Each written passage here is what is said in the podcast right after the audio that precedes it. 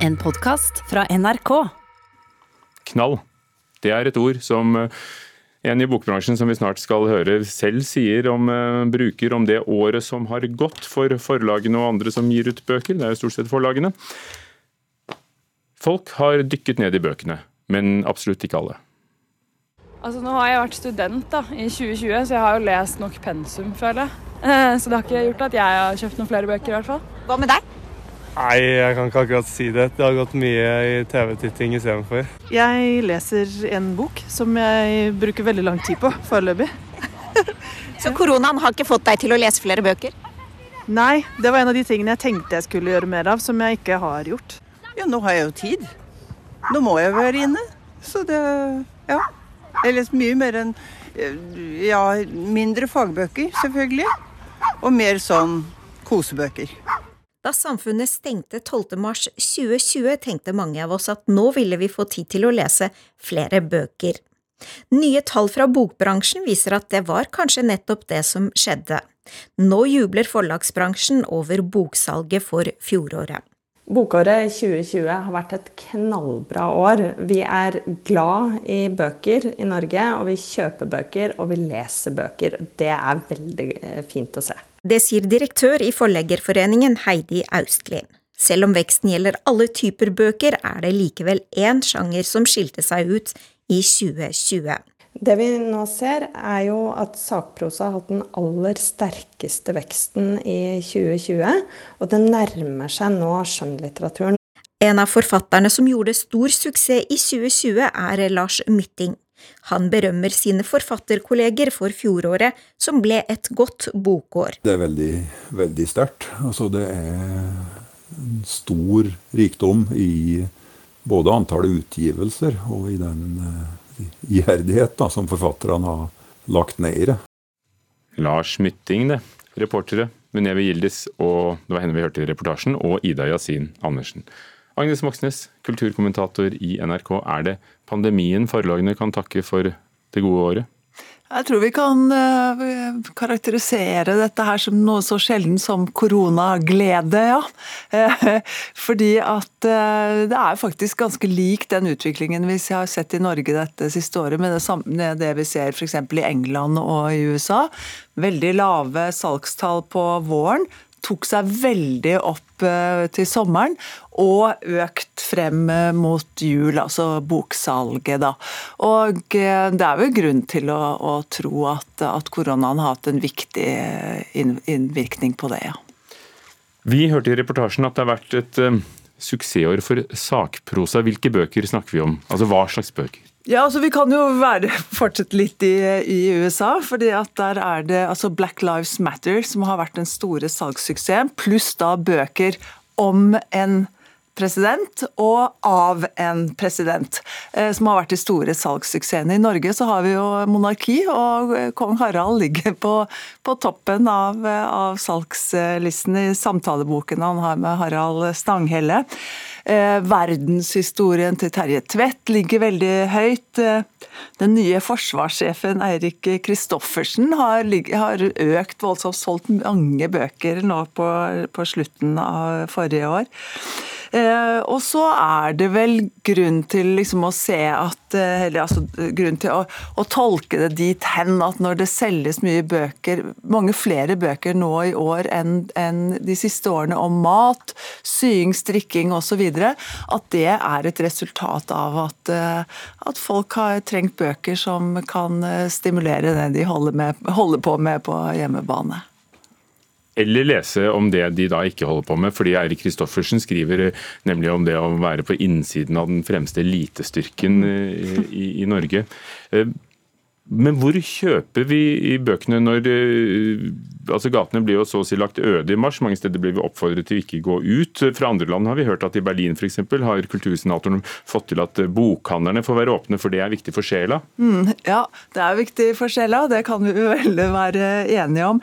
Men jeg tror at i år så kommer det for første gang eh, til å være slik at vi kjøper, de fleste av oss kjøper bøker eh, på, gjennom nettet, via nettet, og ikke i bokhandlene, fysiske bokhandlene. Den lå liksom, prosentvis så lå vel rett under 50% av oss, eller handelen som foregikk gjennom bokhandelen i, i, i, fjor.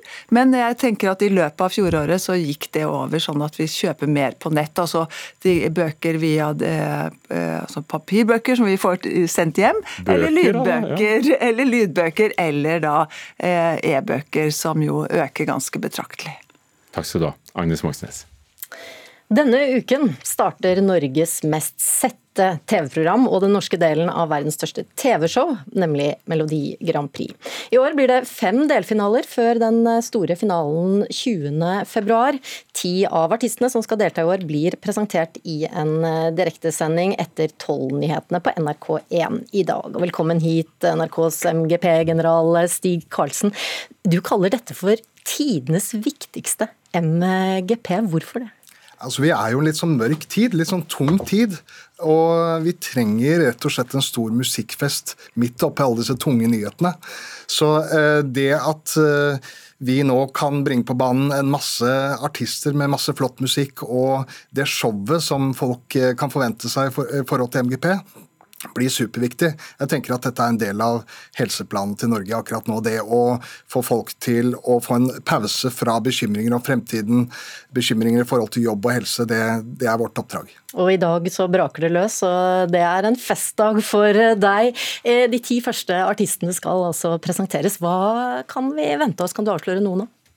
Ja, altså Det blir en, eh, en, fest av en eh, prestasjon. Eh, vi har ti artister som er veldig forskjellige i sjanger og i forhold til kanskje publikummet de treffer. Det er noe som treffer ungt, det er noe som treffer de som er litt eldre. Så det er rett og slett en tvistpose av mye fin musikk og mye fint artisteri. Men fjorårets finale huskes vel eh, kanskje best for alt stemmekaoset, mer enn for, eh, for musikken. Kan dere love mer orden i år? Ja, altså Det er helt essensielt at stemmesystemet fungerer. Så Nå har det vært en veldig dyktig teknisk avdeling som har jobbet veldig intenst med dette for å bygge et stemmesystem som er mer robust og kan ta et enda større eh, trykk enn det det gjorde sist. Og så er det vel da Eurovision som vanligvis arrangeres i mai, ble altså avlyst i fjor. Det er jo fare for at det blir avlyst i år igjen. Kan det være nok en skuffet artist som ikke får, får dra til selve finalen, som Ulrikke Brandstorp gikk glipp av i fjor? Ja, vi alle drømmer jo om at ting skal gå tilbake til normalen, men det er klart at det blir et litt annerledes Eurovision denne gangen også. Eh, de håper på et eh, Eurovision med noen restriksjoner. Eh, færre publikummere, et litt mindre team som jobber, jobber bak. Eh, men det blir et Eurovision, eh, og den eh, vi har en backup også i form av at vi gjør et opptak her i Oslo, rett og slett. Så vi, det blir Eurovision i år. 12.30 så presenteres altså de ti første artistene. Takk til deg, NRKs MGP-general Stig Karlsen. Fill my heart with song and let me sing forevermore. You are all I long for, all I worship and adore. In other words Frank Sinatra. Kanskje en av de vakreste kjærlighetssangene vi har. Men blir det kjærlighet i luften av apper når du skal treffe noen? Kulturreporter Emily Louisa Milan Eide. Vi gikk jo veldig fort fra datingtjenester med lange spørreskjema og personlighetstester, til Tinder og Grinder, eh, der en sveiper til høyre om en ser bilde av en person som en liker.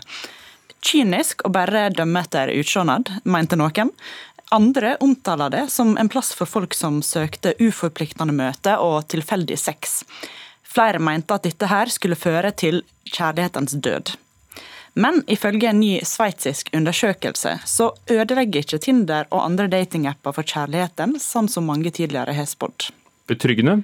Hva var det de undersøkte? Eh, ved universitetet i Genéve i Sveits ville de rett og slett finne ut om disse datingappene ødelegger for kjærligheten. Eh, og De undersøkte derfor data fra 2018, der 3000 par hadde fått spørsmål om hvor de møtte sin nåværende partner.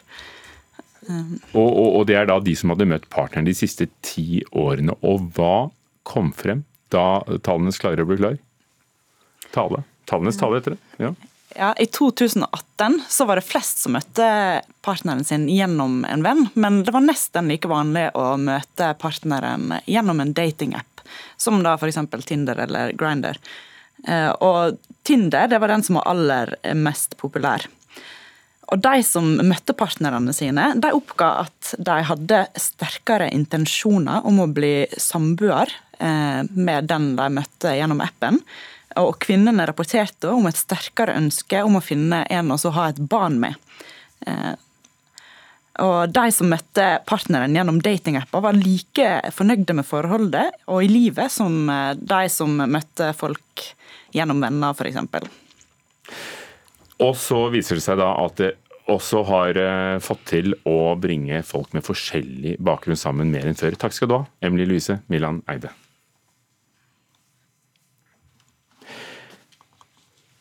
Serieåret 2021 er allerede godt i gang. Det er det for noen, og, og det er også sånn at uh, det er kommet flere serier, som f.eks. Uh, Nicholas Cage, som har presentert banningshistorie på Netflix. Elevrådet på NRK, Atle Antonsen og co. er i gang med uh, en sesong to av Aldri voksen på kanalen Discovery, og, og dette er bare begynnelsen. Marte Hedenstad, film- og serieanmelder i Filmpolitiet her i NRK. Hva kan vi forvente oss på seriefronten i året vi har foran oss?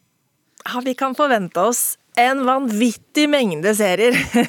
Det er allerede 80 serier på lista bare for januar, så det året her ser ut til å bli virkelig spekka serieår. Og det kommer jo nye strømmetjenester som f.eks. Paramount Pluss og Disney Pluss. De vatter virkelig opp volumet på innhold av alt fra Star Wars-serier til Marvel-serier, og begynner jo allerede kjøret der med Wanda Vision som kommer på fredag. Så er det masse nye norske serier på vei. altså Harald Svart skal levere Vampyrkomere til Netflix. Pernie kommer på Viaplay, og Maxi Taxi Driver kommer her på NRK. Så det er utrolig mye å se frem til. Nesten litt for mye. du og kollegen din i Filmpolitiet har jo da satt opp en liste med, med ti på topp over hva dere har størst forventninger til. Mm. Kom igjen. Jo, det er utrolig mye gøy som kommer, så det er jo veldig mye å glede seg til. Eh, vi har plukket ut noen av våre favoritter på denne topplista som ligger på nrk.no. eh, Jeg kan jo begynne med The Gilded Age, som rett og slett er et amerikansk kostymedrama laget av skaperen av Downton Abbey, eh, altså Julian Fellows. Og jeg elsker jo Downton Abbey, så dette ser jeg virkelig frem til. Og det her er en serie som skal foregå på slutten av 1800-tallet i New York, hvor da nye penger er på vei opp. Eh, og eh, det er mange kjente skuespillere som er med, bl.a. Carrie Coon, eh, kjent fra Fargo og The Leftovers, bl.a. Og hun spiller da kona til en sånn stor eh, jernbanemogul som driver og klatrer på den sosiale rangstigen i New York, så dette tror jeg blir eh, veldig gøy å se. Um, og så må jeg trekke frem en norsk serie, for det kommer jo flere norske produksjoner som sagt i 2021. Og eh, på Viaplay så kommer Furia, og det er et norsk etterretningsdrama som handler om høyreekstreme miljøer eh, da fra serieskapet Gjermund Eriksen, som jo er kjent for Mammon og Livstid, blant annet. Og, altså, her finner vi da Ine Marie Wilman i rollen som en kokk eh, som lever av på et eh, fancy turiststed på Vestlandet, men har et hemmelig liv på internett. Og dette her er jo da en politisk thriller som serieskapet Gjermund Eriksen har uttalt at han ønsker skal bli et slags Europas svar på Homeland. Så det tror jeg kan bli veldig spennende når da Furia kommer på Viaplay i løpet av 2021. I løpet av året, det er det vi vet foreløpig. Så her er det bare å følge med. Men helt personlig, Marten Henstad, velg deg én serie som du ikke vil være foruten når den kommer. Ok, ja, Da må det bli fantasy-serien The Wheel of Time. Robert Jordans episke, bestselgende serie skal bli TV-serie på Amazon Prime Video. Og det kommer kanskje i 2021, eh, så det er det jeg gleder meg til. Og der har vi da Rosamund Pike i hovedrollen som en mystisk kvinne som kommer til en bygd eh, langt utenfor allfarvei og må hjelpe en gjeng med ungdommer for å ja, stå opp imot ondskap. Så det blir virkelig spennende. Takk skal du ha, Marte Hedenstad. Og så kan jeg som så ofte før anbefale Filmpolitiets sider på nrk.no, fordi der står det eh, ikke bare den listen på de ti beste seriene, men anmeldelser av nye serier og filmer til enhver tid.